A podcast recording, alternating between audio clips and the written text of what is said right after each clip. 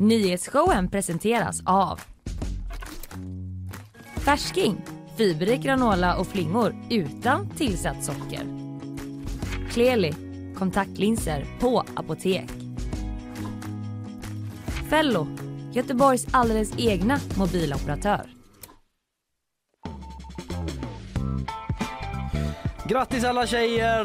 Yay, tack! Jag och alla tjejers vägnar tackar Ja. dig Kalle. Unna er nu något riktigt gott här på tjejdagen ska- 8 mars. Mm, Premiumtamponger. Ja, och underbart. Eh, vi eh, får se om eh, vi kommer in något på att det är internationella kvinnodagen idag men annars tänkte jag framförallt prata om nya uppgifter i New York Times som gör gällande att en pro-ukrainsk grupp ska legat bakom sabotaget av Nord Stream.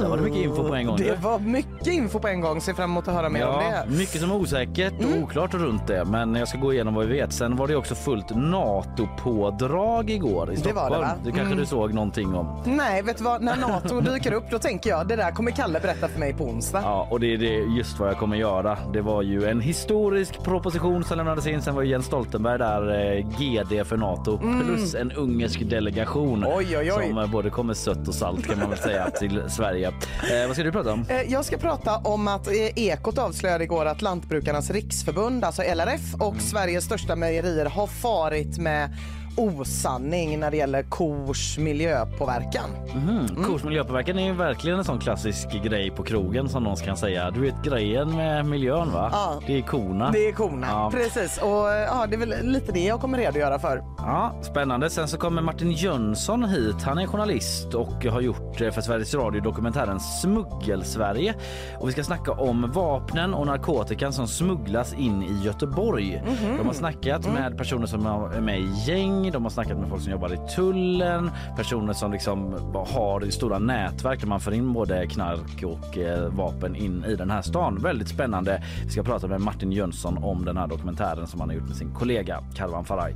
Sen är det bakvagn, räv och rackarspel på inomhus-EM. 800 meter snackar vi om. Min sport, men det kan vi ta mer om sen. 800 med. Okej, Ja, mm, ja, det jag har alltid sagt det. Det är jag. eh, Jag identifierar mig mycket med den sporten. Ja. Eh, sen brittisk ilska också mot den svenska covid-strategin. Bland Oh. annat avslöjade sms. Ooh, juicy. Very, very juicy. Och i bakvagnen så kommer jag fokusera lite på tjejerna eftersom att det är 8 mars. En tjej flyttar hem, prinsessan Madeleine. Mm. Några andra tjejer slåss på en biosalong och en tjej har varit fu- full på jobbet. Ja, härligt. Tjejer kan de med.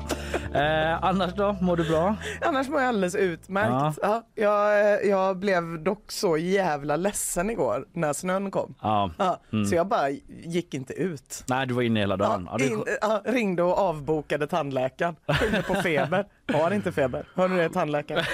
Åh, nej jag klarade det inte. Jag klarade det inte. Nej. Jag, det var en så knäckande grej. Även om man vet att det kan bli så här så är det... Det nej. blir alltid så här. Ja. Men visst, absolut. Ja, det var dråpslag för mig som då skulle släpa. Eh, jag sände ju inte igår då, utan Nej. Mm. då skulle jag släpa mina barn till förskolan. Och jag kunde inte köra, för det, kom, det tar ju alla på sängen då. Det var inte plogat på trottoarerna. Nej. Så jag fastnade med våran eh, vagn där då. Så Mm. stod jag på hörnet och svor och liksom så här jävlar fan halvvägs till. Och då kom en granne förbi och du vet när man, blir- när man blir upptäckt påkommen i Mm. en väldigt frustrerad situation och man bara Hej! Jättesnäll. Alltså jag tycker om den här grannen. Hon här, kan jag hjälpa dig? Vet, man är helt labil där. Man bara, jag bara, nej tack det var jätteställt men du kan nog inte göra så här. Det är om du hjälper mig att bära den här vagnen. Du kan släpa vagnen bakom mig Ah, som en mm. tomtesäck hela vägen. Ah, man känner sig som så Pelle Erövraren när man gör det. Ja, jag fattar inte riktigt den referensen. Men... Nej, men som att man ska dö på ett berg omgiven av snö och dra Ja. något tungt efter sig. Ja, typ. s- något sånt och sen så kommer man till jobbet helt förstörd då. Eh, men eh, ja, det är ju ljust i alla fall på marken.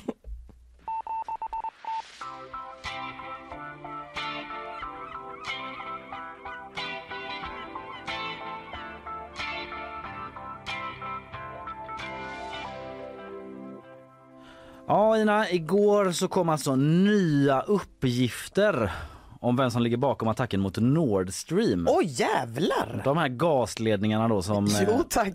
Jo, tack. du till. De har man inte glömt bort.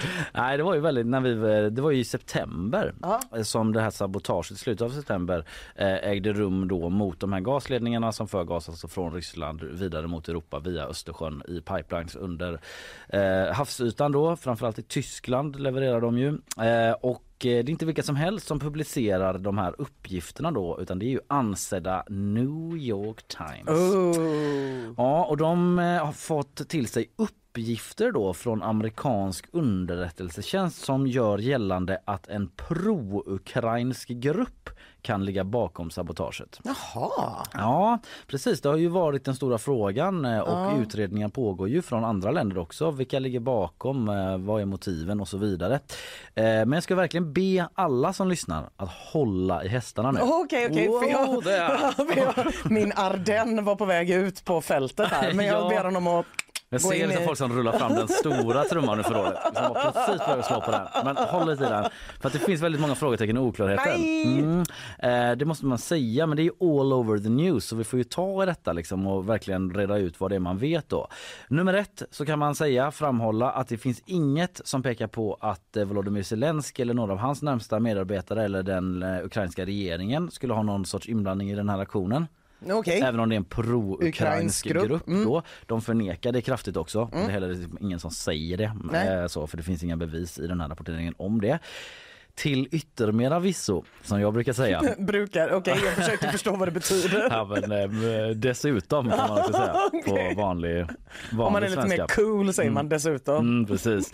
Eh, så är det väldigt mycket som är oklart om själva gruppen då, den pro-ukrainska. Alltså till exempel vilka som ingår i den, vilka nationaliteter det är på de personerna, vem som ska ha betalt för det här. För det har vi ja. hört tidigare när det skedde. Mm. Att alla är överens om att det krävs ju dels mycket planering, det krävs också kanske en viss erfarenhet, en viss ekonomi. Det är inte typ en eh, det är ingen fyllegrej vi snackar nej, om. Nej, det är ingen som ska... har gjort det på flipp typ. Nej, nej. nej. Man ska ändå dyka ner där mm. och liksom fästa sprängmedel och så vidare. Eh, och eh, New York Times då som jag sa, de baserar hela den här nyheten då på underrättelseuppgifter, amerikanska sådana som de tagit del av. Sen har de pratat med tjänstemän också amerikanska sådana inom ja. administrationen som har liksom fått bedöma, titta på de här uppgifterna. Mm. Vad tror ni om det? Och då eh, som Omni skriver eh, eh, så är de här tjänstemännen kluvna till informationen. De vet inte hur stor tilltro man ska sätta till uppgifterna. Ja, okay. Så redan här så det var ju inte ut, riktigt det som rubriken utlovade så att säga. Nej, redan här så liksom tar det ju ner eh, Mm, ja men komplicerar ju mm. det, det hela får man ju verkligen säga då. Eh, så det är mycket som är oklart som sagt. Eh, men så det enda man säger egentligen i den här artikeln det är att det finns de här underrättelseuppgifterna som gör gällande att det ska vara en pro-ukrainsk eh, grupp, alltså motståndare till Putin. Men eh, man vet fortfarande inget konkret om motiven för den här gruppen, varför de gör det. Man får väl anta då att de kanske vill skära av Rysslands gasexport och liksom strypa deras ja, ekonomi, ja, deras inkomster på det sättet. Mm. Men det är ju bara en spekulation då. Eh, det känns ju nästan som man behöver en expert för mm. att bedöma det här ja. materialet. på något sätt. SVT har pratat med Jan Hallenberg. Han är ju expert på USAs utrikes och säkerhetspolitik vid Utrikespolitiska institutet.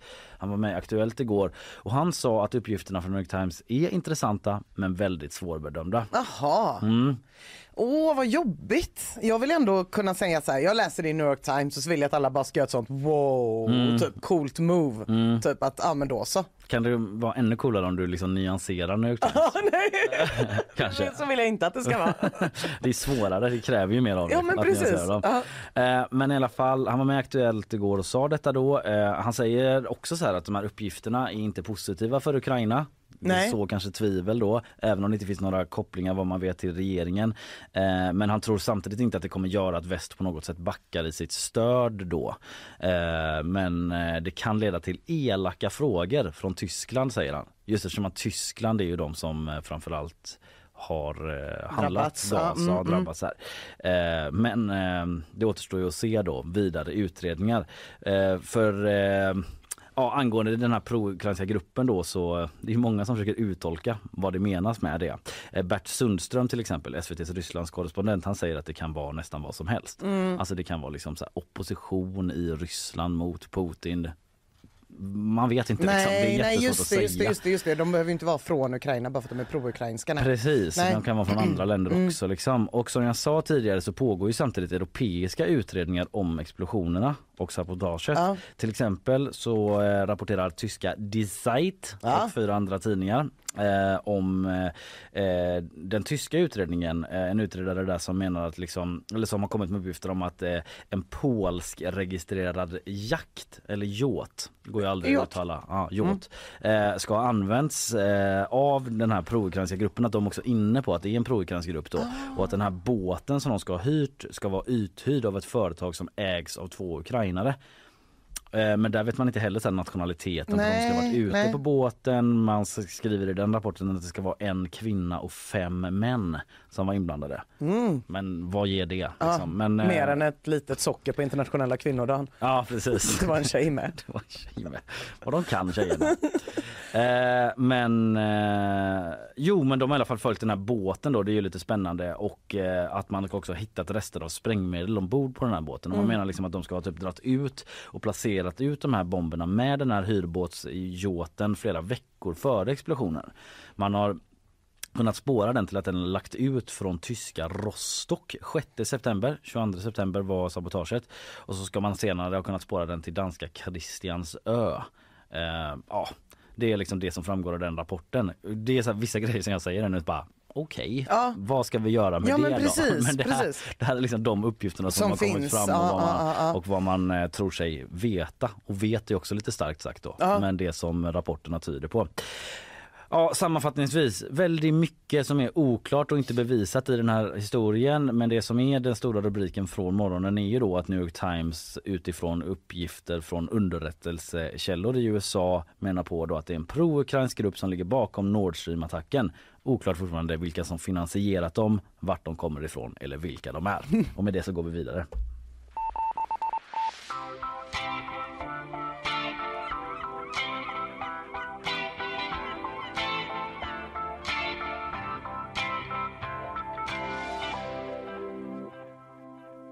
Ja, vi ska få nyhetssvep av eh, Isabella snart. Jag vet att det blir matigt. Mm. Det är en sån morgon idag. Bara, Gud, vad ska vi välja att prata om? Så här, du får ta det och du får ta det. Så jag ser fram emot nyhetssvepet och se vad hon har kokat ihop där mm. eh, sammanfattningsvis. Innan vi tar det och sen ger oss in på den här eh, mjölk... Mjölklögnerna. Mm. så tar vi eh, sponsormeddelanden. De kommer här.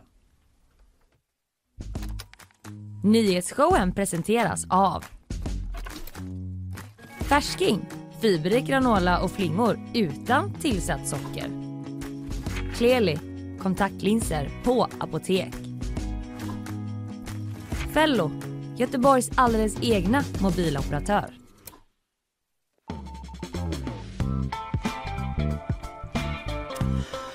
8 mars, internationella kvinnodagen, eh, sänder vi live från GP-huset. Nyhetsshowen där jag talar om. Ina Lundström heter du, Kalle Berg heter jag. Eh, vi ska få eh, ett nyhetssvep här från Isabella Persson. Hon är på väg fram men just nu så sitter hon också och rattar våra kameror. Vi är lite mm, svallvågen av vabruar här. Så ja, lite det, så... Vabruarisvall. Ja, så i vanlig ordning så är det Isabella som liksom sitter på typ tre olika stolar då. Just det, och kan typ allting. Ja, så är mm. det. Eh, men eh, nu switchar du över till liksom din huvuduppgift här under morgonen Isabella. Ja. Och det är att eh, ta oss igenom Nyhetsmorgonen. Visst har det varit en ganska ja, men en ganska händelserik nyhetsmorgon eller dygn som gått. Ja men det tycker jag. Det har hänt mycket um, framförallt i utlandet. Vi har hört det här med Nord Stream då, som du pratade om mm. och sen så har det varit en hel del demonstrationer. Ja. Och jag tror inte ens jag hinner med allting nu så vi får höra lite Nej, mer sen. Vi återkommer i veckan. Det är Georgien och det är Frankrike och det är lite allt möjligt. Vi kanske återkommer till och med i det andra nyhetssvepet också lite mer med andra grejer. Just det. Men vi börjar nu va? Det gör vi. En man i 20-årsåldern har anhållits på sannolika skäl misstänkt för mord efter att en medelålders man hittat avliden i Kortedala. Det var igår som mannens anhöriga larmade polisen och anmälde honom saknad.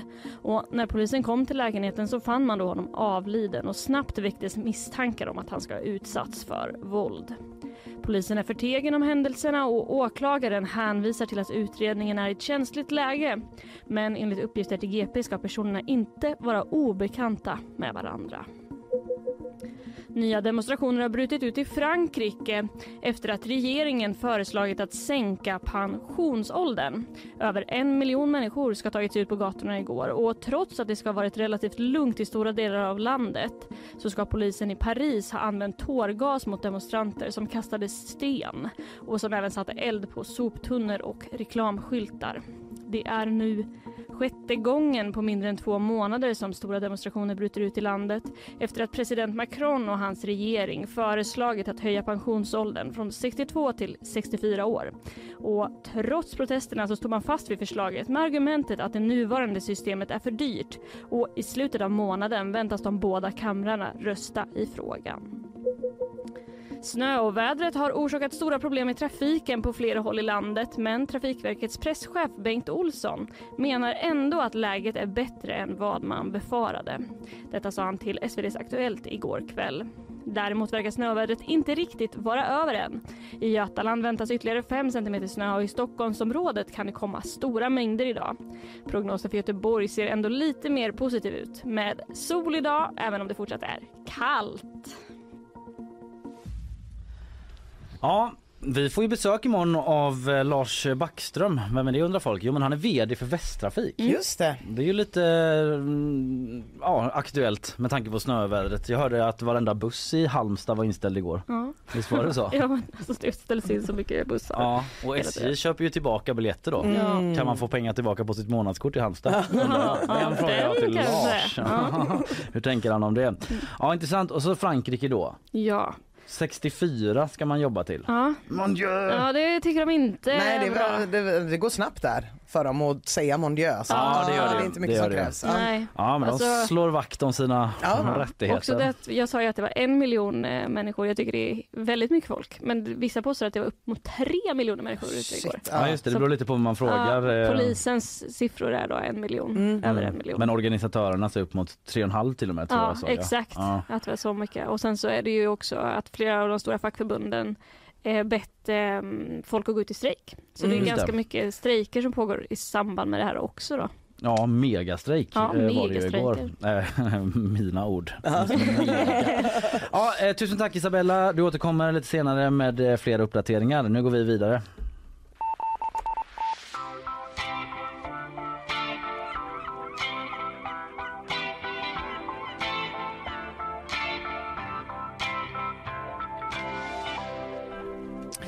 Ja du Kalle, Mm. igår då kunde Ekot avslöja att Lantbrukarnas riksförbund, alltså LR, LRF Ja. eh, och Sveriges största mejerier gemensamt har farit med osanning.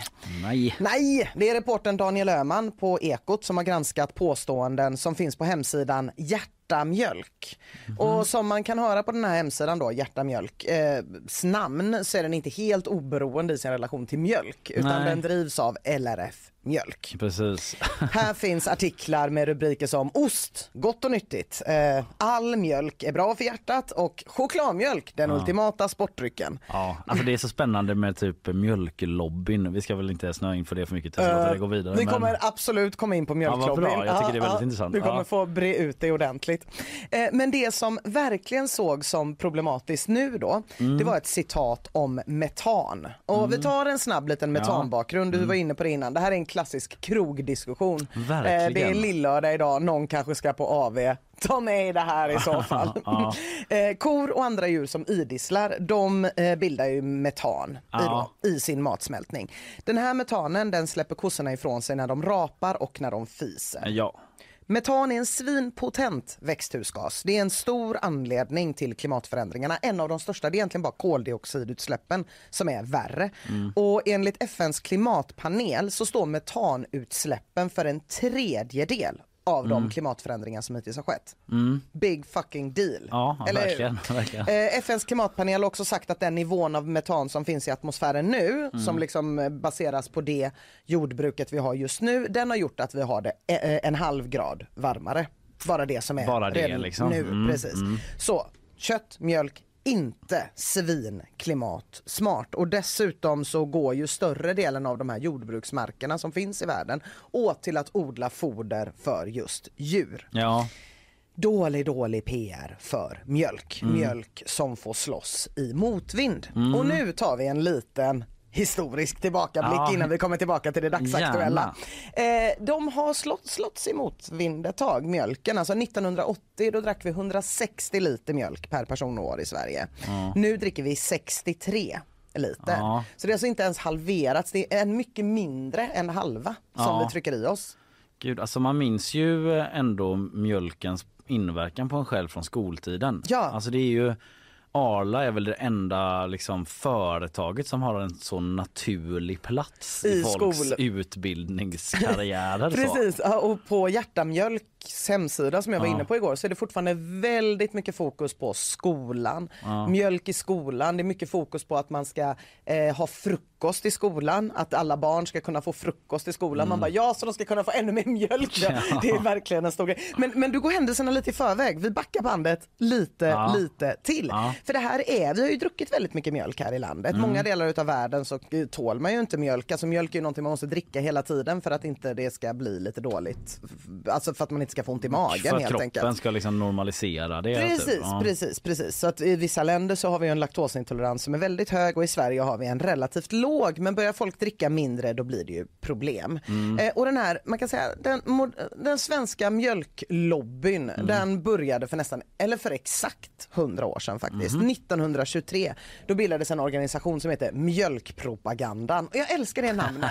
Jag älskar det- förr i tiden. Ja. Enkelt ju. Ja, verkligen. Eller hur? Det är inte Tydlig så typ, undra vem som ligger bakom det här. Nej, precis. Det är lobba, lobba, lobba för mjölk som man gjorde då. Och det var bönder, precis som med LRF idag, det var mjölkföretag, men det var också faktiskt en och annan läkare på den tiden som tyckte att svenskar skulle dricka mer mjölk eftersom att alternativet brännvin inte kändes så nyttigt. Och då kan man ju säga att det var nyttigt jämfört med brännvin. Jo tack.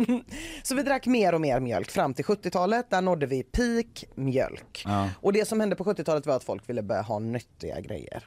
Ja, Mm, okej. Man började ja. prata om mättade fetter och det kändes inte så bra. Och då kom ju mjölkgänget med en ren hälsokampanj riktad till barn. Ja. Mjölk ger starka ben. Ja, det är ju den, vi är uppvuxna känner med. man ju verkligen igen. Ja. Mm. Den fanns ju i skolmatsalar, den fanns också i eh, serietidningar som riktade sig till barn. Som typ handlade... i klassrummet också, Den fanns inte bara i klass- Bamba. nej, nej, nej, den fanns precis Det är lite typ så, den här världskartan är sponsrad av Arla. Den känslan var det Ja, lite. det var så mycket mjölk ger starka ben, Ja. precis överallt. Eh, och det, det, det var ju också under en period när liksom, det, alltså i alla fall när jag växte upp, det var ju innan TV3 fanns. Liksom. Man hade ingen tolerans för typ så frostisreklam eller någonting, Nej, nej, utan det nej. var ju bara det här budskapet om att mjölk ger starka ben, här är kostcirkeln. Det sågs ju som helt och hållet vetenskapligt. Ja. Eh, det finns forskning idag som visar att mjölk inte ger starka ben. Det finns eh, forskning som visar motsatsen också. Kan, du kan ju gissa vilken av forskningarna som representeras eller som redovisas på Oatlys hemsida. Ja, Eh, under Milk Myths kan man läsa om att mjölk inte ger starka ben. Och sen på hemsidan Hjärta Mjölk, där Mm. kan man läsa att det visst ger starka ben under fliken sanningar om mjölk. Så det finns inte helt forskningskonsensus kring det här. Det man säger är typ om det nu ger starka ben, varför har vi enormt med benskörhet i de länderna där flest dricker mjölk? Okej. I vilket fall som helst, det lades en jävla massa pengar på att du och jag skulle växa upp med en sund relation till mjölk. Men ändå, hur ofta dricker du ett glas mjölk, Kalle?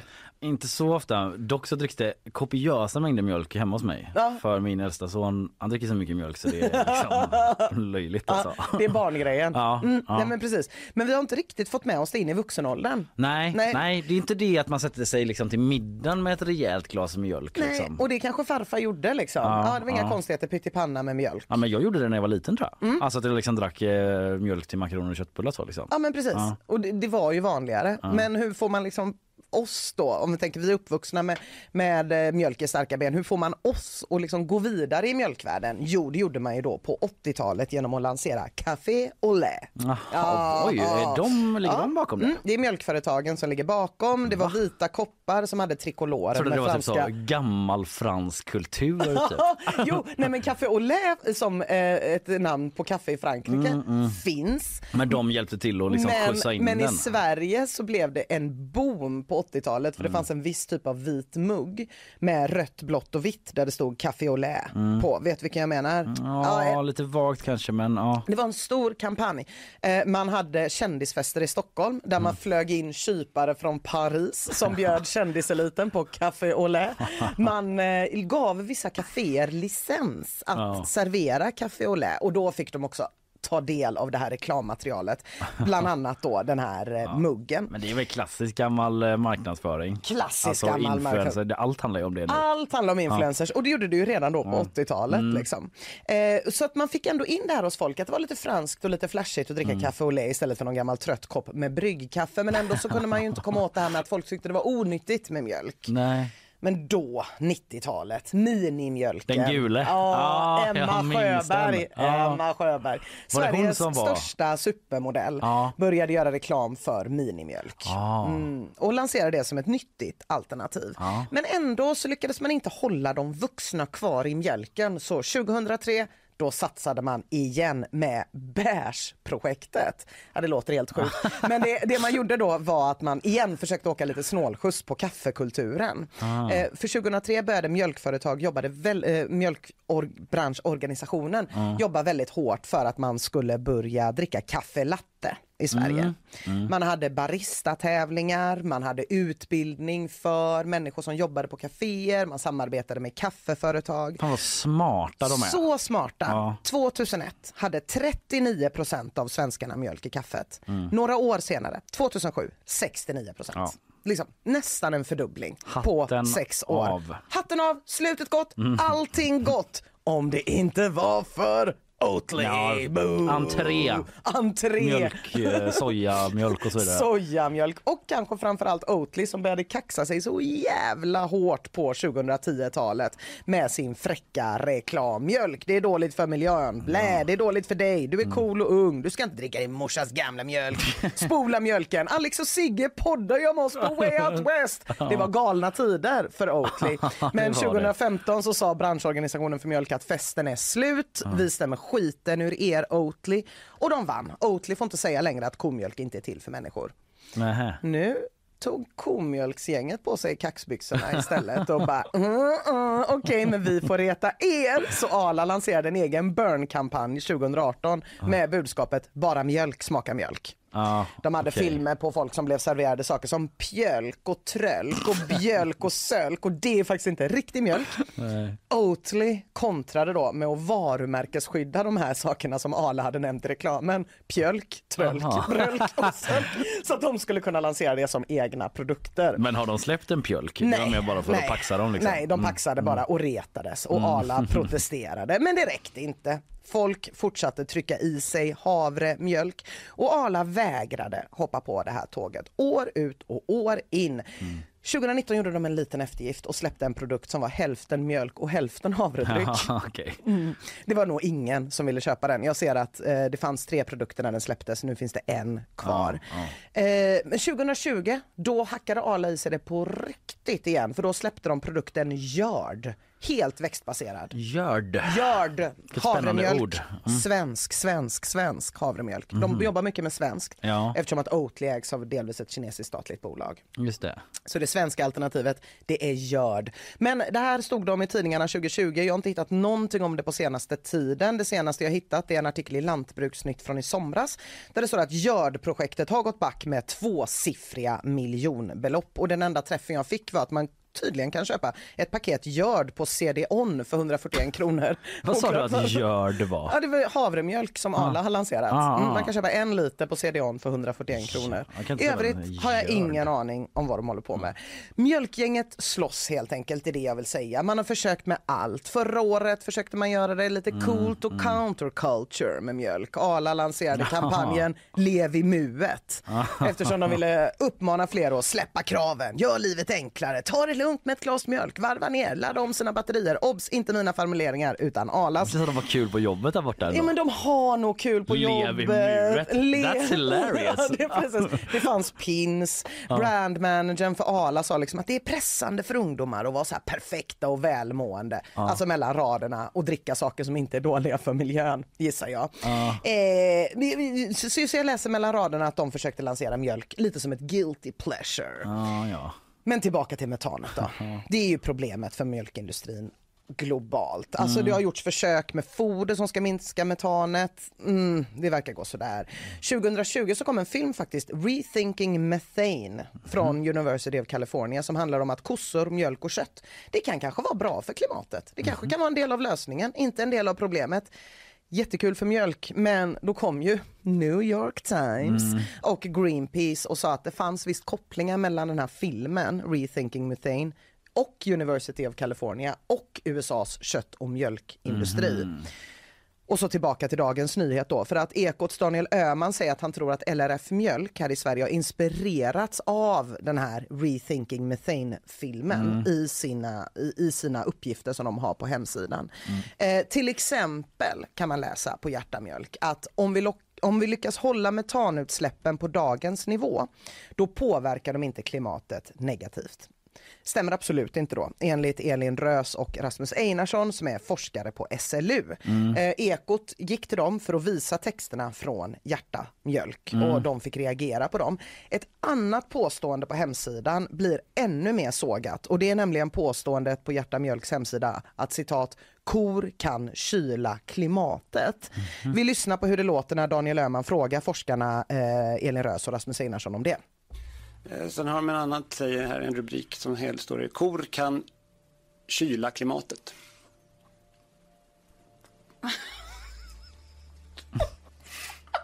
Nej! Va? Oj, oj, oj. Kor kan kyla klimatet. Ja. Nej, det skulle jag säga helt fel.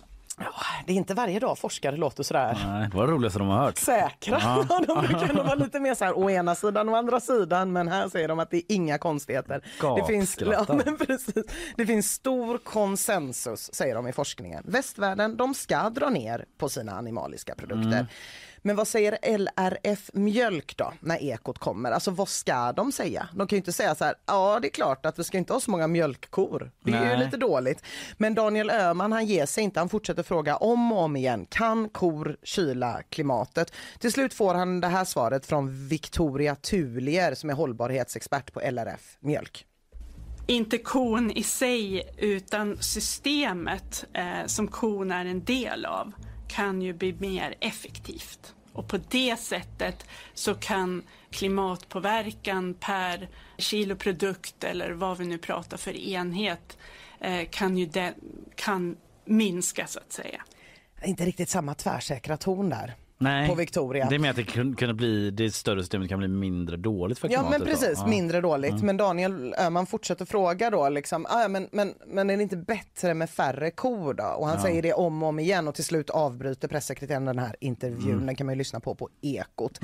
Eh, I alla fall så skrev LRF sent igår så här på sin hemsida. Vi har använt oss av en olycklig formulering i vår kommunikation. Vi menar inte att kon i sig kan kyla klimatet utan att kon är en del av ett större system som kan bli mer effektivt. Det hon var inne på då.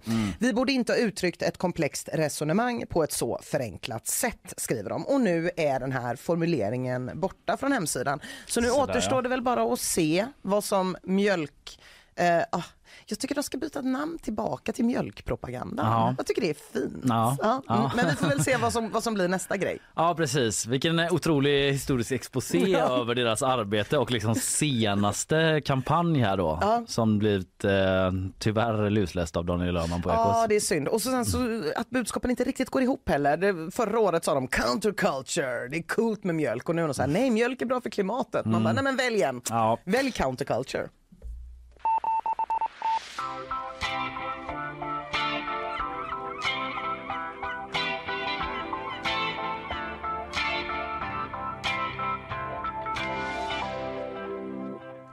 Du, eh, vi måste ta oss an eh, allt som hände igår i Stockholm. Det var ju så Ja. mycket. Det var ju presskonferens igår med inga mindre än vår statsminister Ulf Kristersson och Natos generalsekreterare Jens Stoltenberg. Eh, Han sa så här. Men Sverige kommer med. Spørsmålet er ikke om Sverige kommer med. Spørsmålet er når. Ja, det handlar inte om eh, och det handlar inte om om Sverige kommer med Nej, utan när. norr. Nej, utan när. Han är, ju- han är ju norrman. Men, Ja, men jag förstod verkligen inte, så jag är så glad att du tolkade för mig. Han, han- menar när. Ja. Det är norskan som ställer till det. Det handlar inte om om utan det handlar om när Sverige kommer med. Eh, det var bara en liksom, jättesammanfattning av mig då för att de hade ju liksom ett positivt budskap här på den här presskonferensen. Sverige har levt upp till de krav eh, som sattes i det här avtalet med Turkiet. Nu handlar det bara om att eh, Turkiet också ska göra den tolkningen. Så det är lite samma Bara. Precis, det är lite samma status där då egentligen. Men eh, de kändes väldigt självsäkra i att Sverige kommer komma med. Frågan är bara norr. Eh, eller när. Men eh, det, eh, det, det som kommer ske är då att man ska träffas, Sverige, Finland och Turkiet på torsdag imorgon alltså. För något som Ulf Kristersson kallar för ett arbetsmöte. Oklart eh, vad det är, men ett möte där de ska arbeta på en lösning. Liksom. Då får vi väl se då eh, ifall det kommer fler nyheter om eh, Turkiets inställning i frågan. Det är fortfarande att de ska ha val i maj och använda det som ett inrikespolitiskt slagträ och så vidare. Det har vi pratat mycket om. Men eh, om vi bara fortsätter med vad som hände igår då så var det ju inte bara det att Jens Stoltenberg var i stan, Nähä. alltså Stockholm och eh, liksom kommer den- de här lugnande beskeden och försökte liksom samla bara jo det kommer gå bra, ta det liksom, det kommer. Eh, Pappa kommer hem och Ja, säger att det blir pappa bra. är här. Det var så roligt att Kristersson eh, när han sa det här, det handlar inte om om utan när, att han skrattade i bakgrunden då Kristersson. Liksom. Du vet att han är så glad typ. Eh, Det var lite konstigt. Papapi. Ja, lite så. Eh, Men eh, Ungern var ju här också. En delegation Mm. Eh, från Ungern. Eh, För eh, Ungern eh, har ju också kvar att ratificera Sveriges ansökan. Det är ju Turkiet eh, och Ungern som ska göra det. Och eh, då var till exempel deras vice talman i ungerska parlamentet med i den här delegationen som var här. Och han sa till svenska journalister att vi, alltså Ungern, stödjer Sveriges eh, NATO-medlemskap. Och Viktor Orbán, Ungerns premiärminister, har eh, tidigare uppmanat alla i hans parti, Fidesz, att säga ja till både Sverige och Finland när man ska rösta runt den 20 mars någon gång om ett eh, ja, par veckor då typ.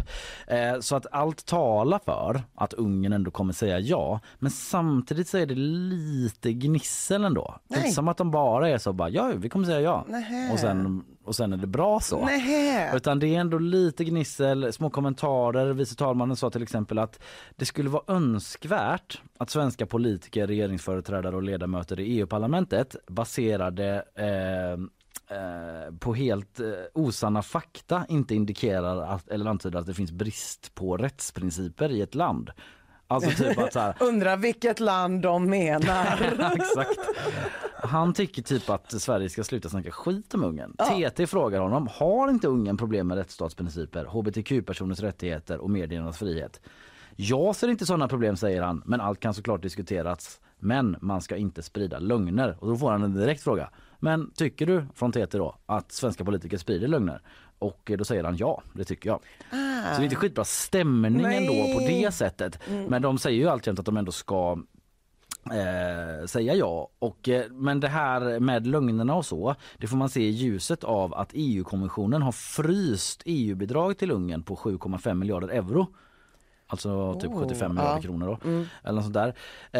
Eh, till Ungern eftersom man anser just att de inte uppfyller grundläggande rättsstatsprinciper. Och Sverige har varit en av de som drivit på liksom, i den kritiken. Och det är därför man vill att Sverige typ eh, ska sluta med det. Ja. För att de menar att det är lögner och Ja, men precis, Jag ska ja. liksom inte ge mig in i exakt vad det är man menar att de bryter för det blir så himla långt liksom. Men här EU-kommissionen har en uppfattning. De tycker att eh, det finns en rättsosäkerhet och så vidare. Ungern tycker inte det. Och då får, återstår det väl att se då om Ungern likt Turkiet kommer använda den här eh, NATO-processen för att lätta upp det. Mm. Att man eh, ja, tar hjälp av den liksom när man sitter på på eh, vetokortet. Ja, jag ska ändå liksom. bestämma här. Ja, Mm, precis. Eh, men som sagt, eh, de säger ju ändå att de stödjer ansökan. Liksom. Ja. Så det är inget som talar för egentligen att de skulle säga nej. Men ändå så är det den här lilla, liksom. de tar ändå chansen att lyfta de här grejerna. Pappa säg åt dem! Ja, men lite så. En sista grej som också hände igår då, tredje och sista NATO-grejen, det var att Tobias Billström, vår utrikesminister, sa så här. Det som sker idag är historiskt. Genom den här propositionen som regeringen överlämnar så ändrar vi vår säkerhetspolitik i grunden. Det är den största ändringen på 200 år. Ja men det är en stor grej. Det han snackar om en proposition då som eh, regeringen gjort färdig som man lämnat till riksdagen som de ska rösta om som möjliggör att Sverige kan gå med i Nato. Egentligen det här är en väldigt formell grej Ja. om alla väntar sig ska hända men det krävs ju vissa så här lag, juridiska Såklart. liksom, eh, nya formuleringar och så för att man överhuvudtaget ska kunna, eh, överhuvudtaget ska kunna gå med. Men nu är den lämnad och klar och eh, man ska rösta om det här i riksdagen och allt talar för att man kommer rösta ja till den och den väntas gå igenom och då är liksom allt formellt och klart från vårt håll. Så att säga rent lagtekniskt för att vi kan gå med. Och den här, i den här propositionen står det då liksom att regeringen ska få befogenhet att begära militärt stöd av Nato om Sverige är i krig eller under krigsfara. Man ska också få begära stöd av Nato om någon kränker oss. Nej, inte kränker oss, men kränker vårt territorium. Ja, ja, bättre. Bättre, ja. Eh, Så det är någonting historiskt då, Ja. som eh, skedde igår. eh, Förutom det hela den här, att den hela historiska processen alltjämt fortgår med Stoltenberg som dyker upp då och då och bara lugnar alla.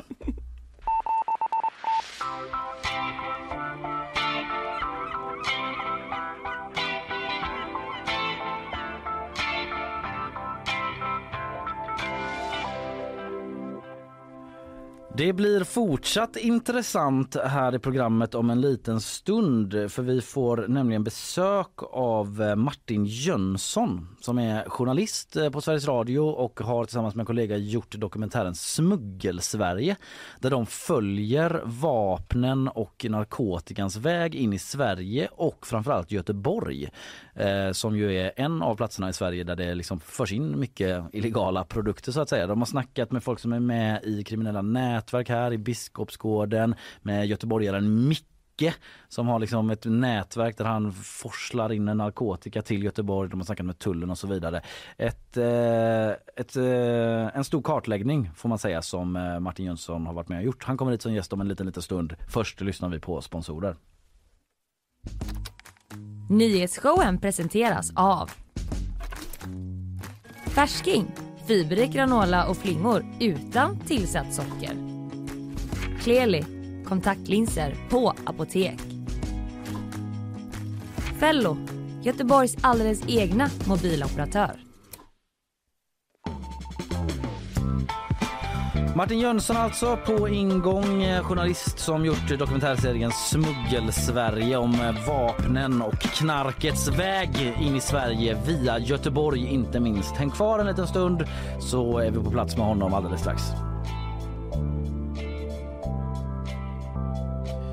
Nyhetsshowen live från GP-huset är det ni lyssnar på. Ina Lundström, Ja. Kalle Berg är det som sänder idag och nu har vi fått hit dagens gäst. Han är journalist och har tillsammans med kollegan Karvan Farah gjort dokumentärserien Smuggelsverige för Sveriges Radio som bland annat handlar om vapnen och narkotikan som förs in här i Göteborg och göder den organiserade brottsligheten.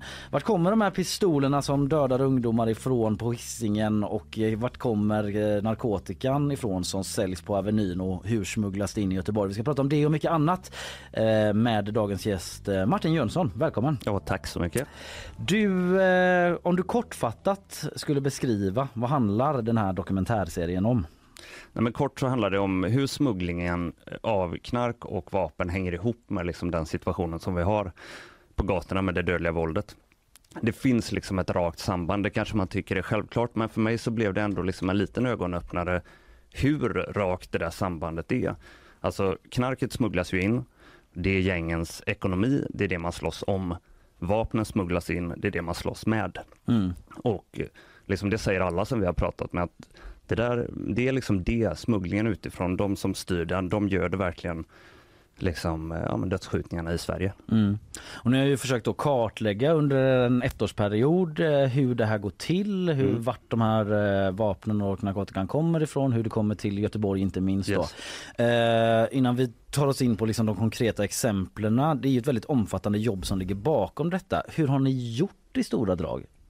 Ja, men vi var tvungna att räkna då för det var någon som frågade. Så vi har pratat med ja, men över 100 personer eh, under mer än ett år. Mm. Jag har jobbat ihop med Karvan. Karvan har jättebra kontakter i liksom den undre världen så han har tagit det lite mer, Mm. hittat de människorna, sen har vi träffat dem ihop. Medan jag har eh, tagit mer av liksom de officiella källorna, eller man ska säga, och experter och sådär. Eh, sen så har vi jobbat ihop med materialet under hela vägen. Men, eh, ja. Ja men vi kommer ju in på några av de här personerna för det är ju väldigt intressanta i sammanhanget personer som ni talar Mm. med, mm, personer som är med i kriminella nätverk, personer som orkestrerar stora smuggelnätverk och så vidare då. Men eh, ja, ni följer ju vapen och narkotikans väg in i Sverige. Hur stora kvantiteter är det vi snackar om som smugglas in? Kanske svårt att säga exakt. Nej, men det, det finns, det går att säga. Å ena sidan så går det inte att säga. För Ja. tullen säger så här, vi vet vad vi tar, men vi vet ju inte vad vi inte tar. Men eh, efter det här eh, krypterade materialet, Encrochat och de här, Mm. framförallt Encrochat, så har nu polisen och tullen gjort eh, uppskattningar. De har liksom fått ny information där. Mm. Eh, oj, var det så här mycket? Och när det gäller knarket då så tror man nu 150 ton varje år. Mm. Okej, vad är det då? Mm. Ja, det är ju tre ton i veckan då. Mm. Eh, tre ton, och och räknar man ut det på dag så är det flera hundra kilo varje dag. Det är jättemycket. Ja. Eh, vad är det för, för droger mest? Alltså cannabis är ju det som smugglas mest Mm. och framförallt tror jag hasch. Eh, för det går ju att packa på ett enklare sätt än liksom marijuana då Mm. om man är bekant med hur de här ser ut. Kokain är ju också liksom jättepoppis, amfetamin. Eh, heroin har man ju hört talas om, det är ju väldigt ovanligt då. Okej. Mm. Så att det, det är framförallt liksom, eh, kokain, amfetamin och cannabis av olika sorter. Mm. Och vapnena som kommer in, hur... Där är det mycket mindre kvantiteter Ja. såklart Mm. liksom, och det finns olika skäl till det. Eh, det främsta är väl att ett vapen det är ju byggt för att hålla jättelänge. Och ett vapen konsumerar man ju inte liksom och slänger sen. Eller Nej, som knarket, det. Det, konsumerar man ju, sen Mm. måste man ta in nytt. Ett vapen kan ju gå runt och användas hur många gånger som helst. Där har tullen en uppskattning som är att ja, men kanske 1000-1200 vapen kommer in per år. Det här vet de jättelite om. De bygger den siffran på att de tar 1000-1200 vapen varje år Mm. från de kriminella. Men det verkar ju inte som att vapnen ute på stan blir färre. Så då kan man tänka sig, det är en tankemodell, att det kommer Mm. in så många varje år. Mm. Det kan vara dubbelt så mycket, det kan vara tio gånger så mycket. Det man vet är att det finns liksom tusentals vapen, illegala vapen i Sverige. Mm. Det är intressant det där för att eh, utifrån eh, populärkultur så kan man ju tänka sig att vapen är någon sorts förbrukningsprodukt. Att eh, de används och sen gör man sig av med dem för att förstöra bevis och så vidare. Men så verkar det inte alls vara fallet. Nej, Inte bara i alla fall. Nej. Det har säkert varit så. Liksom man tänker Palmevapnet, vart har det tagit vägen? Det ligger på botten av ett hav eller något sånt där.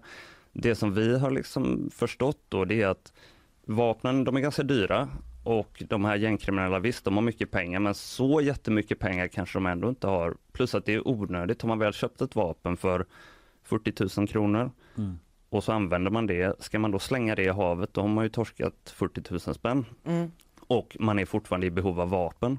Det som vi har hört då, som vi också har fått bekräftat från polisen är att man byter vapen med varann, gängen byter vapen med varann. Om jag skjuter med den här i Göteborg idag, eh, har skjutit på en person eller mördat någon, då kan jag skicka det till mina gängkompisar i Stockholm, eh, få ett vapen tillbaka, Mm. kanske säkert betala en liten mellanskillnad. Eh, men då kan man inte knyta, om det vapnet hittas i Stockholm sen Mm. hos dig då Kalle, Mm. så är det omöjligt att du åker fast för det mordet. För att din telefon liksom kommer visa att du var inte i Göteborg eh, då. Mm. Så att på det sättet är det riskfritt att ta emot det där vapnet. Torskar man med det så åker man ändå för grovt vapenbrott men man åker inte för mordet. Nej. Så att man slänger inte vapnet eh, efter att man använt det. Nej.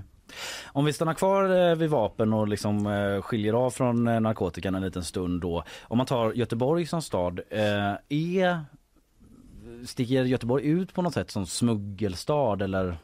Alltså vi har ju något som många eh, andra städer inte har, det är Göteborgs hamn. Ja.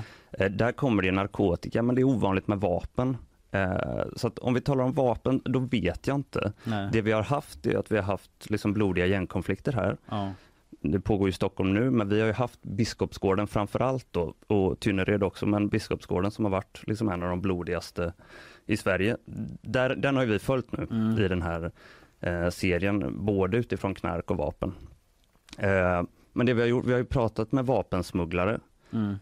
i Göteborg. Mm. Eh, alla de som vi har pratat med har själva rötter på Balkan, så de är inte födda här, men de är verksamma i Göteborg. Mm. Och vi har pratat med flera stycken. Eh, de säger att de smugglar in vapen till Göteborg och säljer till kriminella i Göteborg. Så att visst finns det mycket vapen i Göteborg och det finns liksom en, åtminstone några stycken då direktlinor från Balkan till Mm. Göteborg. Men just det här att det är Balkan det ofta handlar om. Är det det här med att det är vapen som har blivit över från kriget på 90-talet eller varför är det just Balkan? Ja men så är det i det fallet. Det finns liksom tre stora flöden av illegala vapen till eh, europeiska kriminella kan man säga de senaste 10-15 åren. Balkan är en av de, ett av de flödena liksom. Det fanns jättemycket vapen efter kriget på Balkan och de behövdes ju inte längre då eh, när kriget var slut. Och så började folk få kass, eh, kass ekonomi Mm. Ehm, efter eh, finanskrisen 2007 var det väl. Då såg man liksom ett stort, en stor ökning i smugglingen av vapen därifrån. Mm. Det är ett flöde, sen var det ett annat flöde med vapen från Slovakien. Och så finns det sådana här ombyggda start och gaspistoler, det är tredje flödet då. Ja just det, det är lite på, eh, på modet eller vad man ska säga nu. Ja. Ja. Kan, man, eh, ka- kan vi gå in lite på det här vapnet som användes vid Vårväderstorget, torget Mm. vid skjutningen? Eh, där, eh, där två personer dog och åtta skadades. Ni, ni har försökt spåra det där vapnet. Hur, hur, hur gör man det?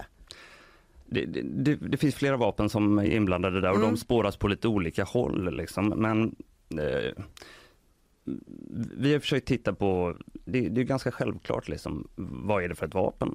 Var är det tillverkat? När är det tillverkat? Och vilken väg kan det ha tagit in till Sverige? Det som gör det lite spännande i vårt fall då är att vi träffar en vapensmugglare som vi kallar för Marco, han heter ju något annat egentligen, eh, som har smugglat in precis den här sortens vapen eh, från olika länder på Balkan, då han vill inte säga vilket eller vilka, till Göteborg. Det är en eh, Kalashnikov, en sån här automatkarbin, jättestora, Mm. eh, krigsvapen liksom, eh, av eh, fabrikatet Sastava som är en serbisk vapentillverkare och just den här modellen heter M70. Det vapnet dödade eh, Petar Petrovic, eh, som vi, vars föräldrar vi pratade med. Och sådär. Han var inte kriminell, han råkade bara vara på Mm. vår krog och bar eh, den kvällen där. Då. Ehm, så den här M70 dödade honom. Vi pratade med Marco, han har tagit in M70 Sastava, precis den här automatkarbinen från eh, Serbien till Göteborg. Då. Så det gjorde det lite mer kittlande. Eh, sen finns det ett annat vapen som är med där eh, vid vår krog och bar, men som inte används. Eh, men det vet man togs in från Slovakien, det här andra flödet Mm. jag pratade om. Då. Mm.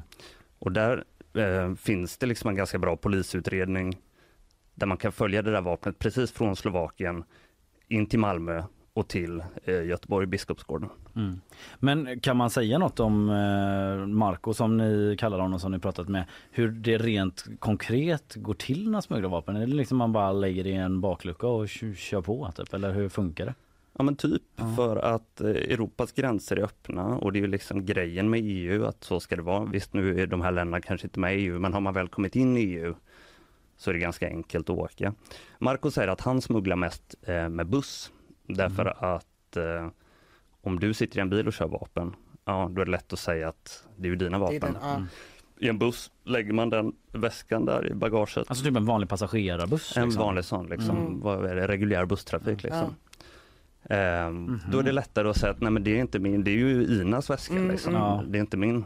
Ehm, Svårt att bevisa. svårt att bevisa. Mm. Men han berättade om ett roligt modus också där han smugglar pistoler i bröd. Eh, så att han sätter en deg liksom nere på Balkan någonstans.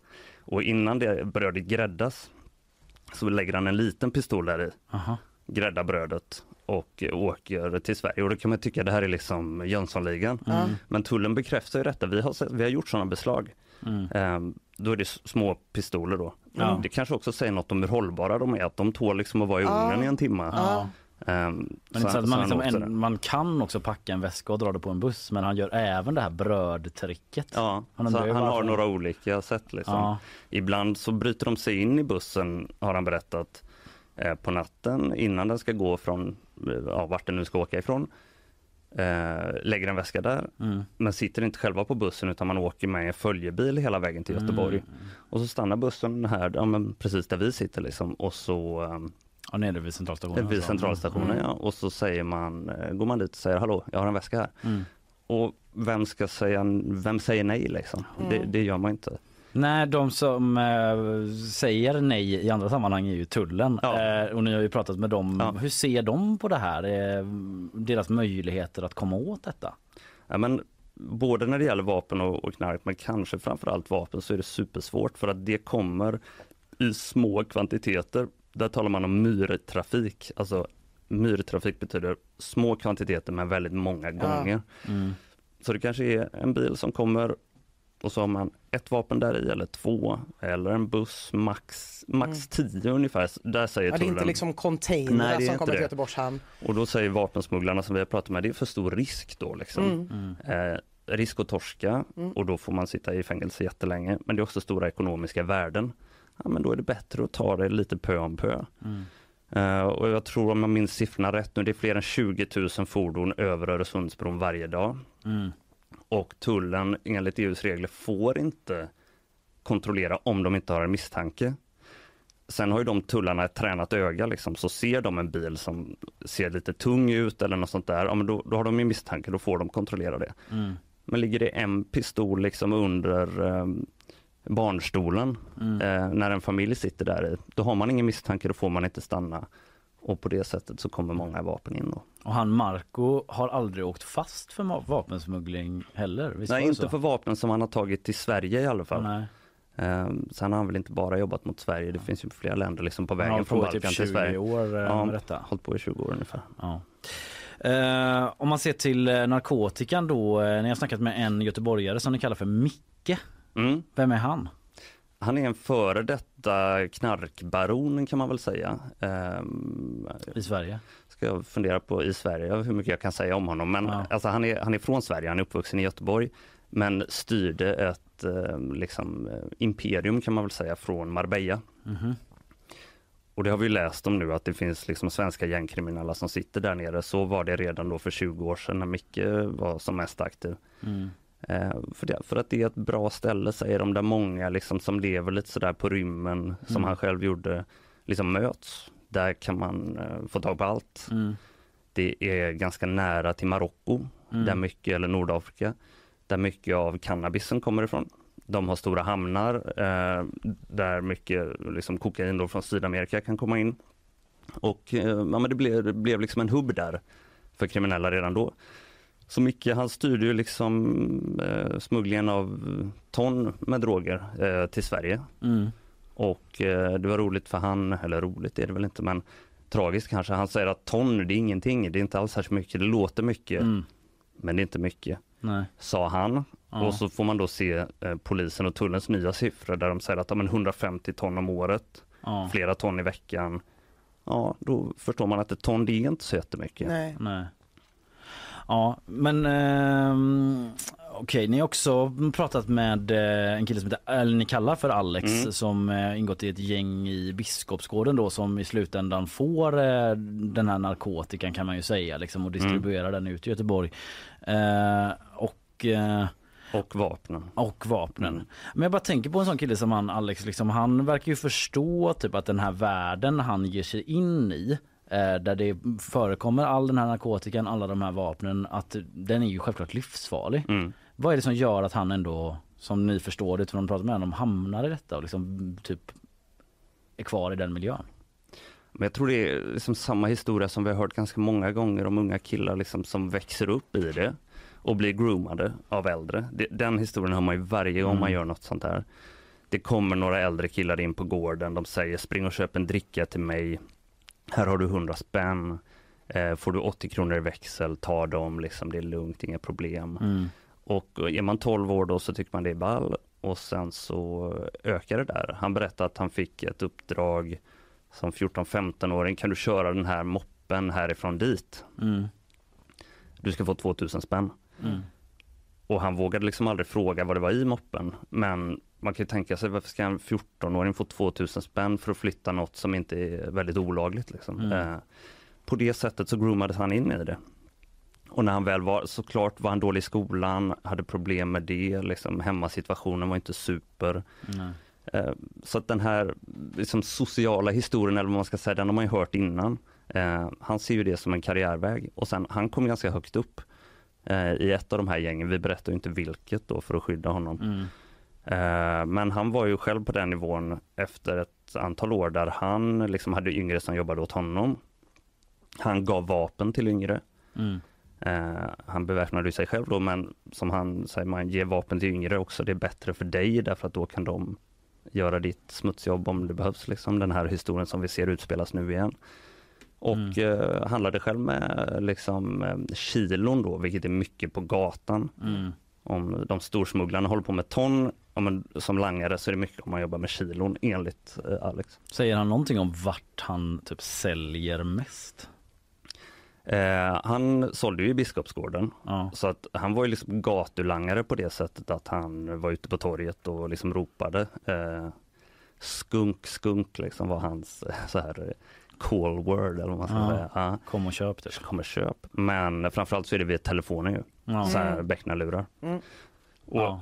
så han hade, fick en sån men förstod ganska snart att vänta nu om jag liksom fulspelar lite här nu så kan jag bygga min egen becknarlur samtidigt som jag eh, liksom säljer åt mina äldre på den luren jag har fått. Mm. Det här kanske är lite lurigt att fatta men att bygga sin egen becknarlur det är då liksom ett förräderi mot chefen. Just det, Just för då det. skulle man kunna liksom gå rogue typ och köra sin Mm. egen lilla Exakt. sidoverksamhet då. Och det var så han gjorde då. Så Ja. att eh, när han hade byggt sin egen lur och det var många kunder i den, Mm. då kan de där lurarna vara värda väldigt mycket pengar. Dels för att de drar in mycket pengar, Mm. eh, men de kan ju också vara värda pengar för någon annan som förstår att den här drar in mycket pengar och, och då blir det farligt. Liksom. Och Alex beskriver det att man kan, för jag frågade det, eh, naiv som jag är kanske då, varför kan man inte bara sälja sitt knark och liksom strunta i kriget? Mm. Mm. Och han bara liksom fnös åt mig, men det går inte. Så att om du säljer knark, du måste också köpa vapen och hålla på med vapen. Det, det, går, det ena går inte utan det andra. För att du måste skydda din Ja. marknadsandel och så om, då, om du vill liksom överleva, om du vill vara kvar. Ja. Annars kommer någon annan med ett vapen och säger till dig att "Hörru, nu räcker det, nu får du dra härifrån. Ja. Eh, så att, och, och sådana historier har vi hört också, liksom gäng i Göteborg och på andra platser som inte ens är i någon konflikt. Eh, men de köper ändå massa vapen. Ja. Mhm. Det är liksom en kapprustning. Mm. Ja. Mm. Ja, det här är alltså en dokumentärserie i sex delar eh, som ni, eh, du och eh, kollegan Karvan Faraj då gjort för Sveriges Radio. Avslutningsvis, det är ju jättestora problem där och svårt att komma till rätta med för tullen. Ni talar med en expert där, en internationell Mm. expert från Nederländerna eller var det Belgien kanske? Ja, Ha- ha- flamländska fredsforskningsinstitutet. Det ansedda. Vad, han målar upp en ganska mörk bild av det här. Mm. Vad är det han säger om typ eh, hur Sverige sticker ut och hur chanserna ser ut? Ja, men han menar ju att Sverige är liksom eh, ett föregångsland, är fel att säga, men alltså det som händer i Europa när det gäller vapenvåldet, det händer först i Sverige. Mhm. Så att vi, vi är liksom eh, ja, men det dåliga exemplet, det sämsta exemplet. För i många andra länder i EU så har vapenvåldet, skjutvapenvåldet gått ner, det dödliga. Mm. Eh, men i Sverige har det gått upp. Eh, och eh, liksom Sverige är the hotspot som han kallar det för gun violence i Europa. Och det som händer i Europa först, eller det händer i Sverige först. Eh, Mm. Man såg till exempel att, eller man trodde att handgranater, det kan väl ingen kriminell vilja använda. Men det fanns en marknad i Sverige. Mm.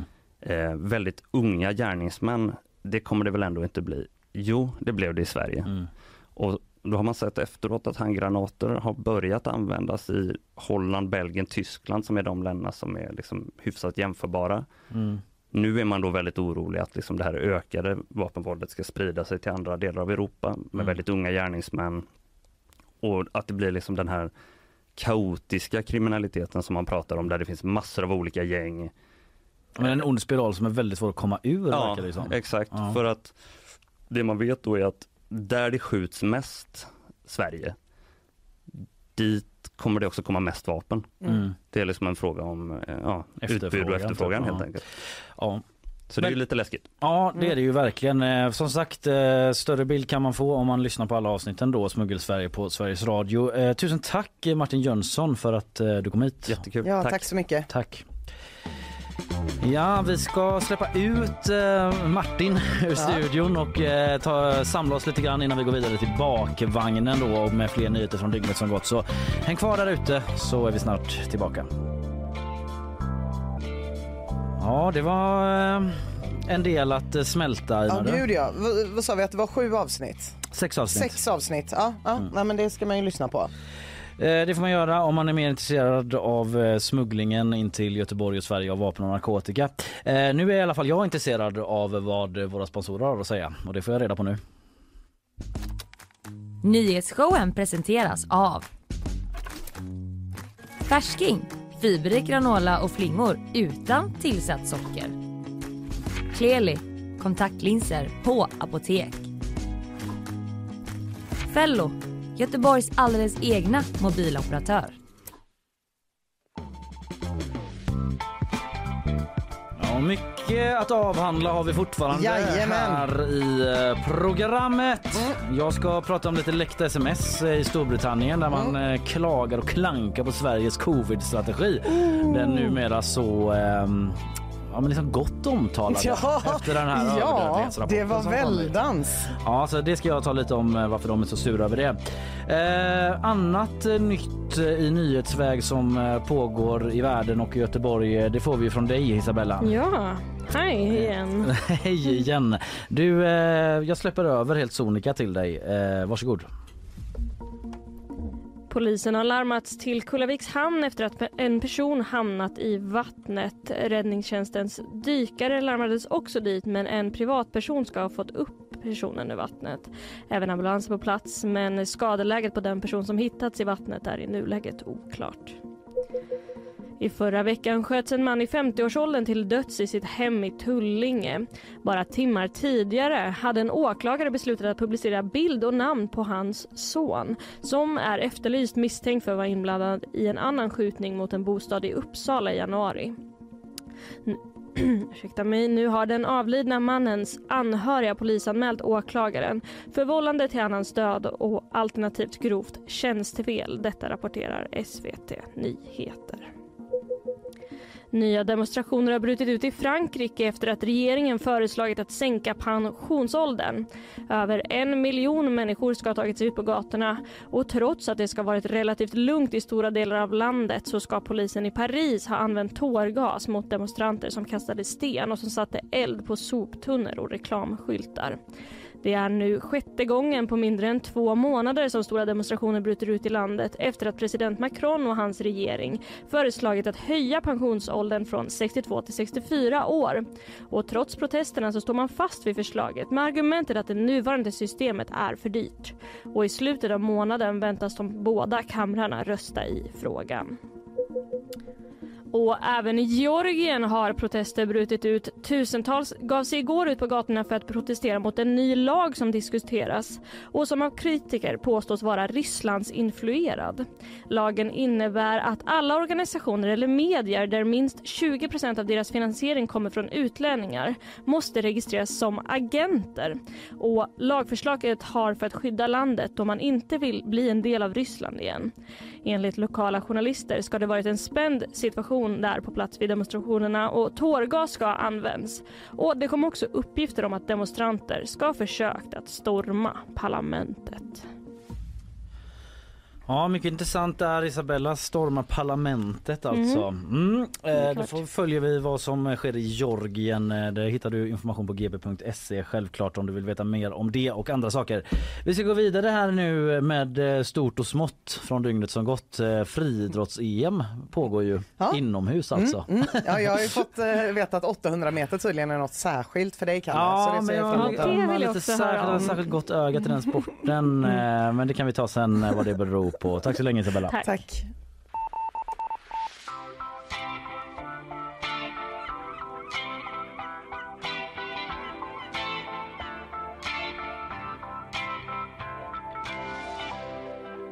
Ja, men vi kanske ska börja hugga tag i det här med 800 meter Ja, direkt. gör då. det. Alltså jag har ju länge känt, det här är inte nyheten då, men eh, när jag i min eh, i yngre dagar, Mm. om jag bara skulle se vad min liksom, kroppstyp, vilken idrott som jag är bäst lämpad för, så Mm. har jag alltid sagt att det är 800 meter.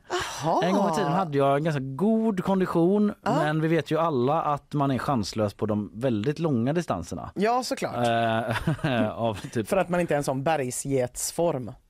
va, vad sa du? För att man inte har en sån bergsgetskropp. Alltså alla som kan springa riktigt långa distanser, de har ju liksom en väldigt nätt kropps... Ja, alltså jo. de har ju mer en, en, en, en liten getig... eh, ja, okej, men jag kände inte att geten var så nätt tror jag. Det var därför Nej, jag inte hängde okej, med. okej. Men jag förstår vad du menar. Liksom. ja. Men i alla fall 800 meter. Jag tror, tror liksom att jag hade kunnat, om jag bara hade fått eh, förädla talangen där så jag hade, tror jag hade kunnat komma med i finkampen kanske. Ja, ja, ja, och du har ju spelat mycket fotboll och det är väl en sträcka som känns fotbollskompatibel. Ja men någonstans ändå. Det är ju två varv liksom på en Ja. klassisk friidrottsbana. Men nu är det alldeles för sent och såklart. Men därför eh, har jag alltid till lite grann när det kommer nyheter om 800 meter. Ja. Det är inte så ofta det gör det. Det är inte så ofta någon hajar till då. Nej, just det. Eller som det kommer nyheter som når liksom riksmedia om 800 meter. Nu har du gjort det i alla fall efter eh, lite kurr som man säger. Mm. Eh, lite lite eh, räv och rackarspel under friidrotts-EM på just 800 meter där Sverige hade sitt kanske största medaljhopp, eller ett av dem i alla fall, Andreas Kramer som är svensk mästare Alltså otaligt många gånger har han vunnit SM i 800 meter. Han är från Göteborg tror jag. Han har i alla fall tävlat för Sävedalen och liksom sammansatta Göteborgsklubbar. Men han skulle ge sig ut och springa då. Eh, men eh, då skedde det här. Så försöker Krestan på insidan. Han brukar stö- stöka nej, nej, vägaren och gör det igen. Han är knuffig, Krestan. Vid många tillfällen har vi sett det och han gör det igen. Åh, vad säger du Kalle som expert på området? Får man hålla på sådär när man springer 800 meter? Ja, men man får ju inte det egentligen. Men det är ju det med 800 meter att det är ju en lite mer fysisk sport än vad många tror. Det är mycket räv och rackarspel och ruffel och båg. Det är trångt att ta sig fram vet du. Det är ganska kort eh, tid man är ute och springer ändå.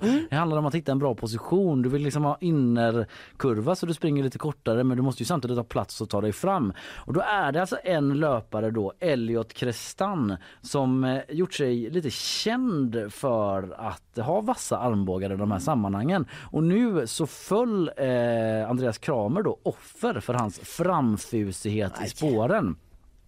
Det som sker är att han försöker ta sig fram och liksom orsakar en sorts kedjereaktion där en eh, annan eh, bosnisk eh, stjärnlöpare, Anel Tuka, då får sig en törn och sen liksom råkar trampa Andreas Kramer på skon. Så att han tappar skon mitt Nej! uppe i allt detta och eh, tappar eh, position. Han ligger etta just då eh, men hamnar till slut femma då. Och eh, vi kan lyssna lite på hur det lät efter loppet när André Pops, SVTs reporter, eh, fångar in Kramer i målfållan. Ja, jag känner bara att jag blir påsprungen. eh. Det är så det blir när man är många i 800. Och, men eh, ja, jag vet inte, det händer alltid såna här grejer. Och, jag vet, jag vet inte hur det gick till men Ja. Oj, vad sportsligt. Ja, eller hur? Han är inte så bitter ändå. Nej, Han är mer så här, sånt här händer Det är den här jämt. typen av galen skit som går ner på 800 meter och det vet alla liksom. Ja, jag är helt chockad. Gloves are off typ. Det är i inommuseum. Ja, eh, men han eh, försökte ändå liksom eh, Oj förlåt, han spelade cool liksom och han kanske ändå höll huvudet kallt men han ändå har många frågor om vad som hände liksom. Vi kan lyssna på ett klipp till. Du tog, du tog telefonen här nere. Du, vem ringde då? Vad ville du? Jag försöker få tag på Per och bara diskutera saken. Ja men Per är hans tränare då som Ah, sitter ja, på ja. läktaren. För... Försöker få tag på. Ja, jag vet inte om det är många som... Varför svarar han inte bara? Han kanske sitter och är helt rosenrasande det här, jo, håller på att lämna in någon protest eller någonting. ja. Jag vet inte. Eller så är det sån nyårsgrej. Du vet att det är mycket dålig täckning för det är så många på samma plats liksom, som försöker ringa och filma och grejer. Eh, men Sverige lämnade i alla fall in en protest eh, angående detta då. Eh, men den avslogs. Eller vet du vad, jag tror faktiskt att det var de, den här Amel Tuka, den här bosniska stjärnan då som lämnade in protesten. För att om den skulle gå igenom eh, den här knuff, knuffisen, Elliot Krestan, han kom trea. Ah. Eh, men om han skulle bli struken då skulle ju den här Bosnien kommit eh, trea istället Ja, då. ja, ja, ja. Och Så det var lite viktigare för honom. Ah, mm, ja. mm. Men eh, de fick avslag på detta och eh, Med motiveringen som skit händer på 800 meter, det borde ni veta Ja men innan. typ det här är 800 meter motherfuckers liksom. Vi kan inte ta ansvar Kom för någon säkerhet. Det är liksom gatans löpnings i sport. Du vet ju det att det liksom är famelan i Brasilien så här. Visst, de langar knark och säljer det. Men de springer också 800 meter typ. Helt eh, loco style. Nej, nej men efteråt trodde alla att protesten skulle gå igenom säger den här Toka då till Sport 1, den franska kanalen tror jag. Eh, och det han gjorde var ovärdigt och osportsligt. Han slutade trea och jag gratulerade honom hjärtligt. Men man ska alltid tävla sportligt och rättvist säger han. Och fortsätter, jag skulle aldrig göra så för att ta en medalj. Man ska alltid tävla med värdighet. Ah. Så det är den typen av skit som går ner alltså på friidrotts-EM. Eh, bättre lycka nästa gång till Andreas Kramer. Hade Ja. gärna fått hit honom någon gång. Göteborgare 800 meterslöpare. Ja. Bara få höra exakt hur eh, sjukt det är där nere på Jag banan. är så jävla sugen för att jag är en ganska ond människa på att vi ska bjuda hit honom någon gång när du vabbar. Ja, då... Eh, ja, så att ont. kanske jag får sitta här med Fanny och, och gissa lite om 800 meter med honom. Det hade varit kul. Ren ondska. Är det du eller jag som låter? Jag har en kort men otroligt glädjande nyhet till dig, Kalle. Mm. Språkrådet har fått en ny chef. Eh, Det är inte bara det som Äntligen! Jag har ingen aning om det var innan. Nej, nu är det i alla fall Lena Lind Palicki som blir ny chef för Språkrådet i sommar. Mm. Linda, Lena Lind Palicki, LLP som jag Mm. kallar henne från och med nu. Vet du vad hon är? Nej. Känd dom-förespråkare, alltså D-O-M. Ja, hon tycker man ska säga det, Ja. inte de och dem. Hon eller? tycker att man ska skriva Eller det. skriva det framförallt. För säger det gör man ju redan ja. Precis. Eh, Att man ska skriva dem. Hon har Mm. pratat om det här tidigare. Hon är krönikör på Svenska Dagbladet. Där har hon skrivit om det och nu blir hon bossen, dom-donnan. Mm. Så att det känns som att det kan ju faktiskt hända nu. Att, alltså, jag, jag jag förstår inte riktigt heller vad man menar med att det ska bli en skriftlig domreform. För jag har alltid fått höra att det går alldeles utmärkt att skriva dom istället för att skriva D och dem. Uh, Har du det? För att man, för jag upplever också att det finns väldigt många Typ på Twitter så som är väldigt så här, det är världens enklaste sak. Det är när det är så här och dem är när det är så här. Jag, jag kan inte ens tumreglerna. Nej, jag kan tumreglerna känsla, men jag kan ändå inte använda det korrekt, det och dem.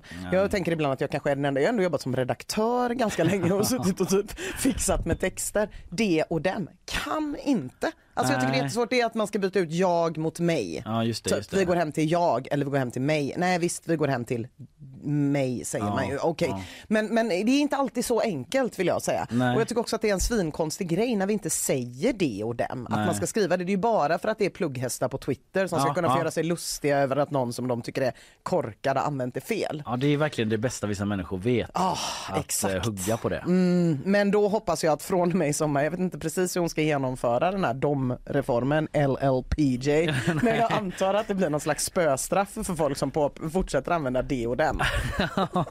Om hon har mandatet att införa det. Ja. det enda problemet är ju att eh, de, det stavas ju som dom då.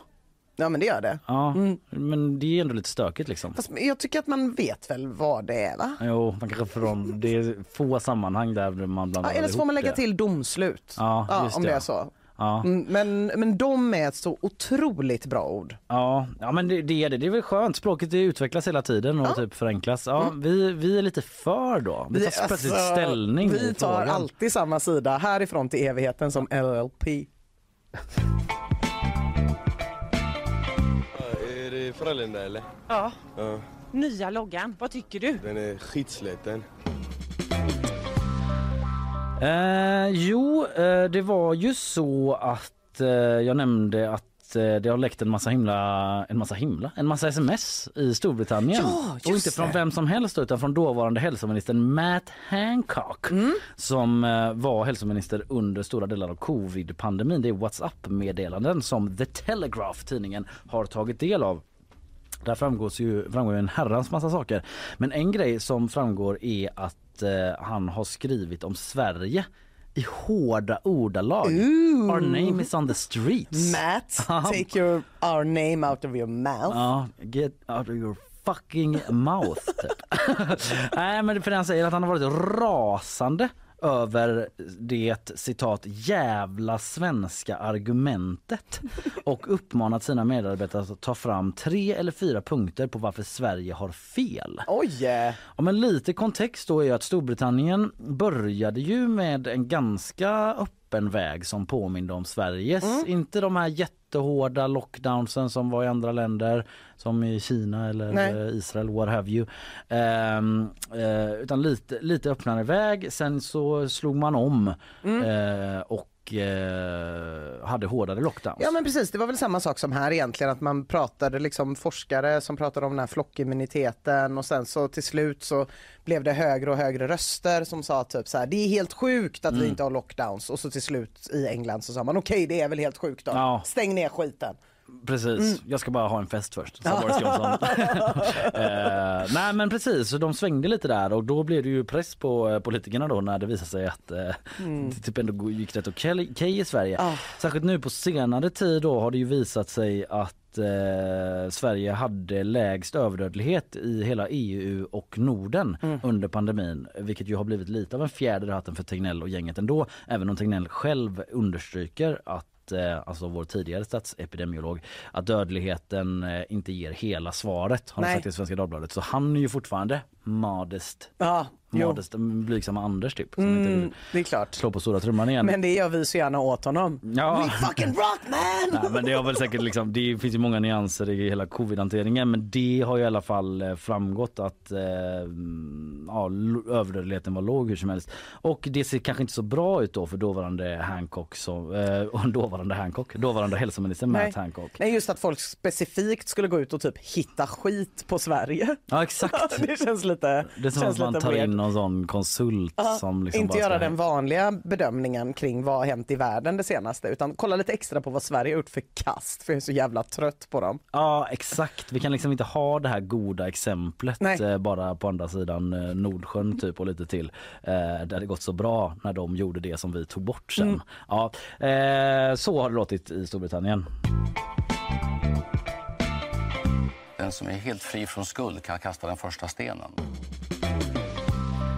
Eh, och i luften så har det låtit så här. En berusad man har kissat på passagerare i business class. Aj då, i business class. Ja, det är roligt att det är lite nyheten här. Känns det som inte att, för det står med överallt där den här nyheten rapporteras så står det uttryckligen att det är i business class. Förlåt, business class är den vanliga? Nej, Nej. det är fineklassen. Nej, det är fineklassen. Ja det är det, Ja, okej. ja, ja, nej, så det är ju nyhetsvärdigheten. är Ja, inte att pöben sitter och pissar på Nej, där varandra händer det hela economy tiden. class. nej, utan att det är någon som har druckit. I Liksom. de finare salongerna. I de finare salongerna har det urinerats helt enkelt. Mm. Det här hände på ett flyg mellan New York och Delhi. Eh, det var då på väg till Delhi och där satt en kraftigt berusad 21-årig student som är amerikansk medborgare och pluggar på ett amerikanskt universitet. Eh, eller han satt inte, han ramlade runt, han vägrade sitta ner, han störde passagerarna. Eh, American Airlines säger så här i ett uttalande till nyhetsbyrån ANI. Efter att ha stört de andra passagerarnas säkerhet kissar han slutligen på passagerare i säte 15G.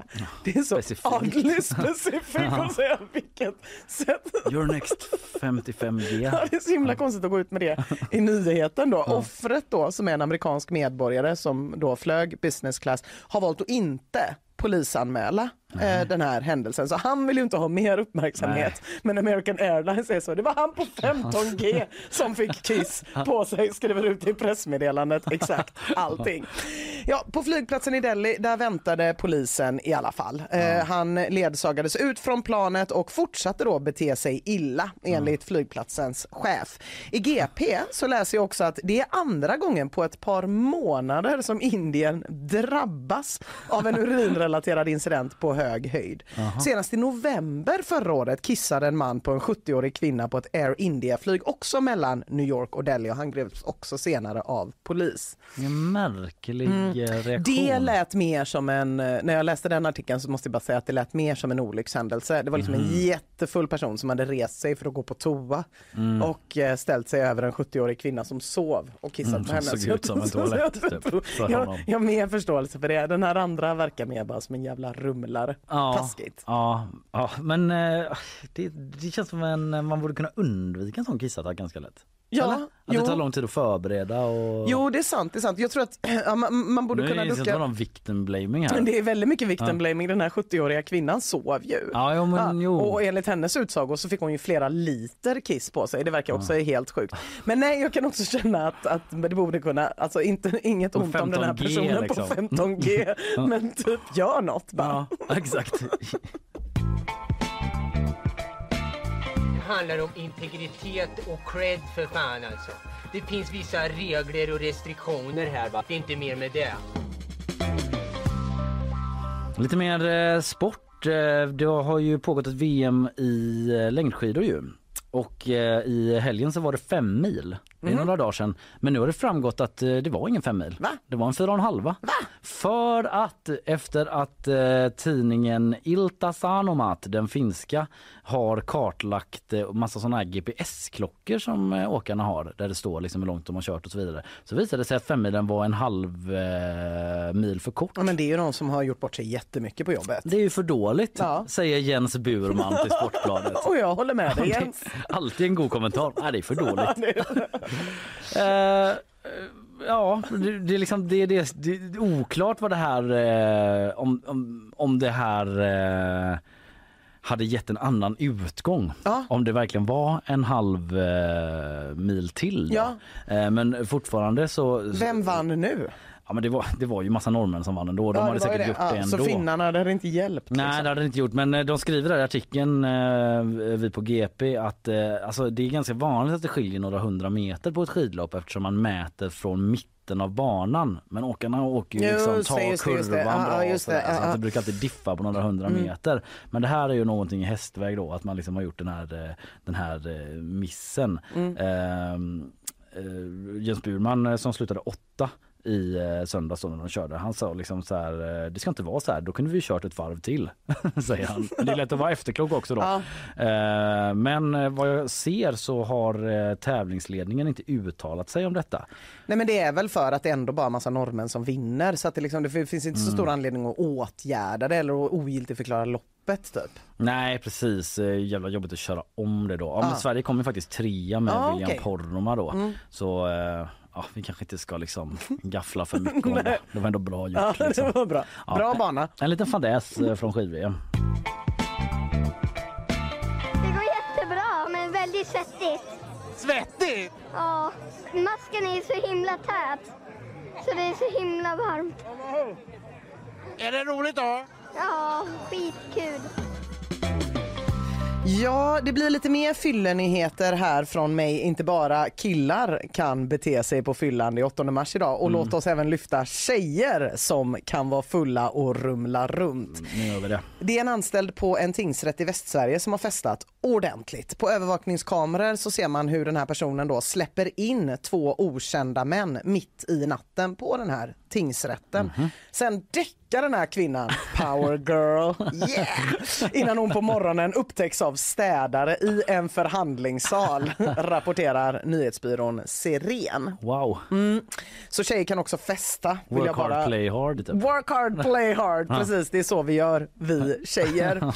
eh, jag har lite mer tjejnyheter. Mm, det är en tjej som flyttar hem. Prinsessan Madeleine och hennes familj flyttar till Stockholm i augusti, Medlarhovet. Mhm. Slut med att svassa efter Chris amerikanska pipa. Dags att forma sitt eget äventyr i Sverige. Nej, hon åker hit för att det är bra för barnen. Ja, jag visste, Mm. jag ska vara helt ärlig, jag var inte helt eh, på det klara med att de inte bodde här redan då. Men de bodde Säger nu- du så för att Ja. du hatar kvinnor och därför inte håller reda på var hon är någonstans? Avslöjad igen. Chris O'Neill får- däremot visste jag ju. Mm. har du, du har en sån live GPS på Ja, allt han exakt. gör. Eh, jag visste faktiskt inte heller, heller att, hon, att hon bodde eh, i USA. Men i och med att det var 8 mars så tänkte jag att eh, nyhetsvärdet gick upp för den här nyheten. I och med att men hon jag ju läste nästan att tjej. skulle, att flytta till fallet. Mm, det låter ju sjukt. Ja, men det finns någon renoverad lägenhet där. Det är inte så att hon ska ta en liten spilta. inte stå i en liten spilta. Jag tror inte det. Nej. Jag tror inte det i alla fall. Utan det är väl lite mer sådär att nu är det dags för barnen att få gå i svensk skola. Gud vad Ja, härligt det var mm. att bo i USA ett tag. Men folk gör ju gärna så att de flyttar hem när de får barn. Och sen så Ja. känns det som att jag tycker Chris och Madeleine har lite den här liksom flytta till södra Spanien samma dag de går i pension-auran för att sen omedelbart när de får pyttelite cancer flytta hem till det svenska sjukvårdssystemet igen. Lite den auran ska jag säga. Men vem är jag att trycka ner andra kvinnor så här på 8 mars?